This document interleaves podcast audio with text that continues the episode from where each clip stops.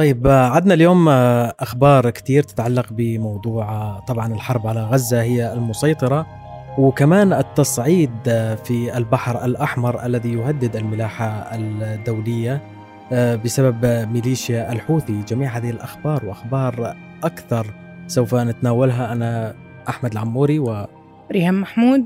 في مركز الأخبار.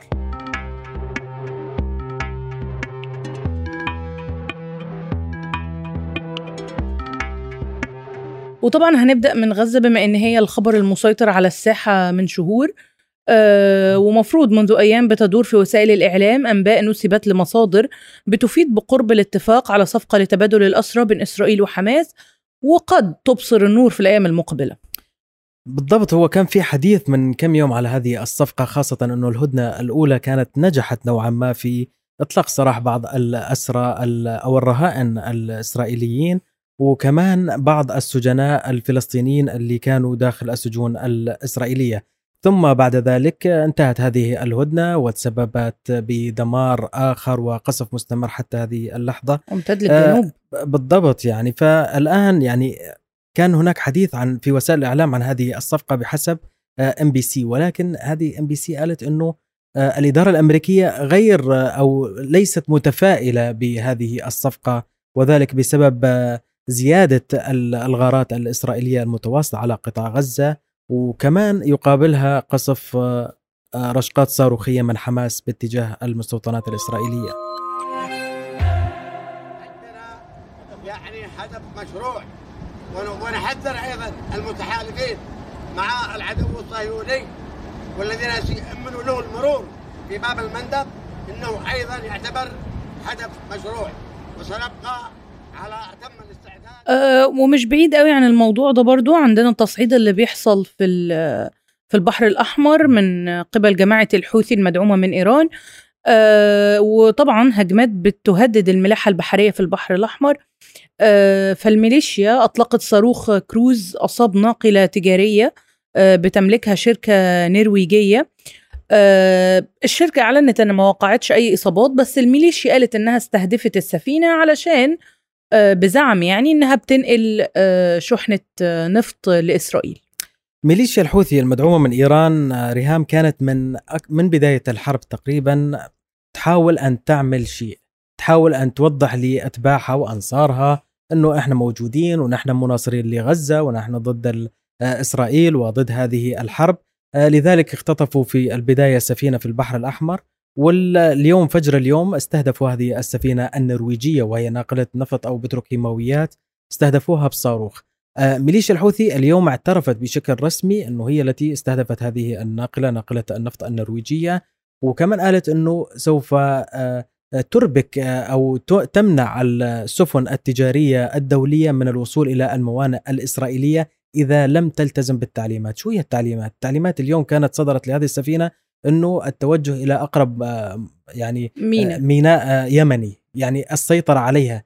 فذكروا إنه خطف يعتبر خطف. بالضبط. فلما رفض طاقم هذه السفينة هذه التعليمات استهدفوها بصاروخ أه وعندنا كمان في العراق الميليشيات التابعة لإيران بتواصل استهداف القواعد الأمريكية والسفارة في بغداد بين كل حين وآخر. وكل ده في ظل صمت حكومة رئيس الوزراء العراقي محمد شياع السوداني ومفروض يعني أن الحكومة منبثقة عن الإطار التنسيقي اللي بدوره بيمتلك ميليشيا مسلحة. هي حكومة محمد الشياع السوداني يعني لا نستطيع أن نصفها بالصامتة ولكن الأفضل أن نصفها بالمشلولة يعني مصابة بالشلل يعني الشياع السوداني لا يستطيع أن يحرك ساكن بهذا الأمر.